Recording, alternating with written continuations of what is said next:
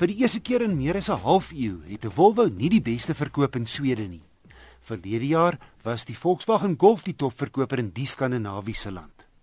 Laaste die Sweedse koning in sy vaderland van sy troon gestoot is, was in 1962, toe ook deur 'n Volkswagen die Kewer.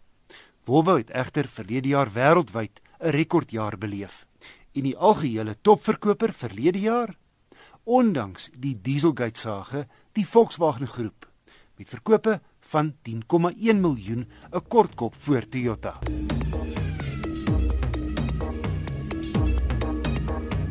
Daar's reeds baie mense dood op ons paaie met die groot vakansie terugdog vandag en môre.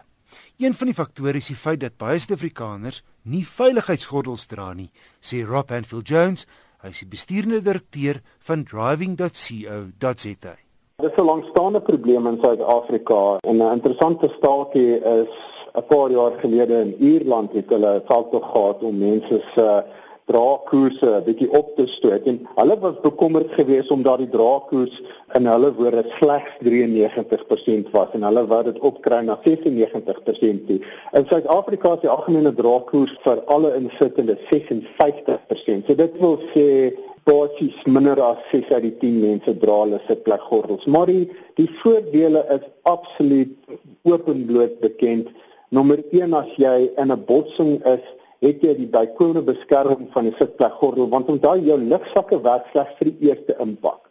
So as jy van 'n pad af gaan en daar's 'n klomp bome, gaan jou lugsak jou dalk met die impak teen die eerste boom help, maar wat van die tweede of die derde of die klip waar jy daarna teen vasbots. Die tweede ding is dat 'n sitplekgordel in die meeste gevalle kan verhoed dat jy uit die motor uitgeslinger word, want dit is regtig waar die gevaar inkom. Daar's al navorsing wat toon dat as jy tydens 'n botsing uit die motor uitgeslinger word, is jou oorlewingskanse omtrent 'n vyfde van wat dit gewoonlik is sou jy binne die motor gebly het. En ons het almal op YouTube die video's gesien van mense wat 'n sitplekgordels dra nie die voertuig rol hulle word halfpad uit die voertuig uitgeslinger en dan rol die voertuig bo hulle. En en dit is iets wat alledaags is ongelukkig is dit alledaags. So sitplekgordel het baie voordele. Mens kan nie net sê dat jy 'n voertuig met lugsakke het en uh, as gevolg daarvan as jy veilig in die lugsakke is dit bykomende veiligheidstoestel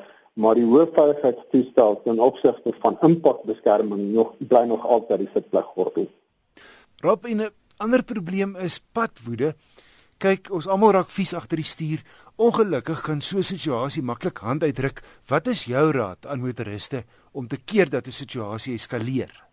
Ja, kyk, daai situasies waar dit eskaleer tot op 'n punt waar motoriste mekaar begin beledig en en selfs fisiese geweld uitbreek, dit gebeur gewoonlik nie sommer net so nie. Dit is 'n geleidelike eskalasie. So die een sal die ander afsny en dan is dit toeterblaas en vuiste waai en dan begin hulle mekaar weer maak of hulle mekaar wil stamp sodat dit is 'n hele proses en die geheim is om net nie by daai proses betrokke te raak nie. Ons is almal mense, ons maak almal foute. Nie net ek en jy nie, maar die ander ou. So as jy 'n fout maak, gaan om die fout as hy jou warm verskoning te vra wat sommige mense doen as hulle 'n fout op die pad begaan, waai net terug, jy weet die oorsaaklike ding is om seker te maak dat die ongeluk nie plaasvind nie. Maar die oomblik wat iemand 'n fout maak en daai situasie dan geleidelik eskaleer tot op die punt waar nie een van die partye wat daarbey betrokke is wil terugstaan nie. Dit vrees ek my daai situasie gewoonlik nie 'n goeie uitkoms nie. Dis dis gewoonlik waar die ouens uit hulle motors uit kan en en mekaar begin aanraak. So moet net nie dit op daai punt laat kom nie. Onthou net ons is almal mense, ons maak almal foute. Rob, dit is so ons sit met X aantal padvarke en dronk bestuurders. So dis belangrik nie om te alle tye jou aandag op die pad gefestig te hê en om uit te kyk vir moontlike ongeluksituasies. Dis so, sien dit so. Hoeveel tyd het jy nodig om 'n bepaalde botssituasie te voorkom en, en ons hier het al eksperimente gedoen en video's geskiet om te bepaal hoeveel tyd jy by 'n tipiese draai het, 'n blinde draai vir blinde hoogte. En mense sal verbaas wees hoe min tyd is daar.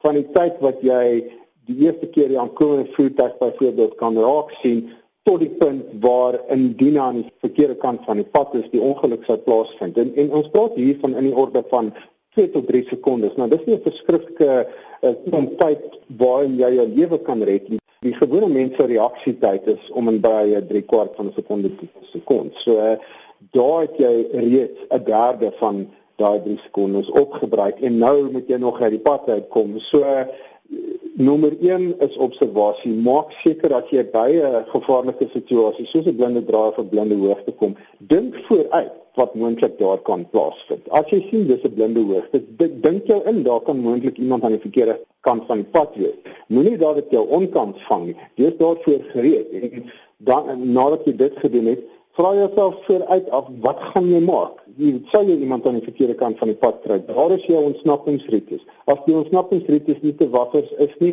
het jy jou spoed verminder sodat as jy wel in 'n ongeluk kom, jou oorlewingskanse beter is of jou kanse vir uitswaai en enige ontsnappingsroete wat jy het beter kan gebruik. Al hierdie soort van dinge maar jy moet dit vooruit beplan. Dit help nie jy kom by die blinde hoogte aan en alles skielik is daar 'n vragmotor in jou pad en jy op daai stadium probeer dink nou wat moet ek nou maak? Want dan gaan jy die min tyd wat oorbly in besluitneming gebruik en mense het dit nie baie goed met vinnige besluitnemings in daai soort van hoëdruk situasies nie en dan gaan hulle gewoonlik vir die rem, hulle trap rem, hulle kom nie uit die pad uit nie of daar is nie plek nie, hulle het nie hulle spoed verminder nie en en dan is 'n ongeluk onvermydelik. En daai soort van ongelukke, daai tromp opbotsings is gewoonlik dodelik. As jy net die statistiek gaan kyk, is jou oorlewingskanse glad nie goed nie. So voorsorg is beter as nasorg. Maak net seker dat as jy by 'n punt kom waar observasie uh, krities belangrik is, dat jy wel daai observasie voor die tyd uitgevoer het.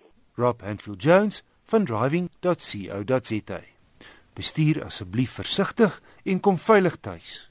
Volgende week 'n padtoets van die Opel Astra 1.4 turbo outomaties.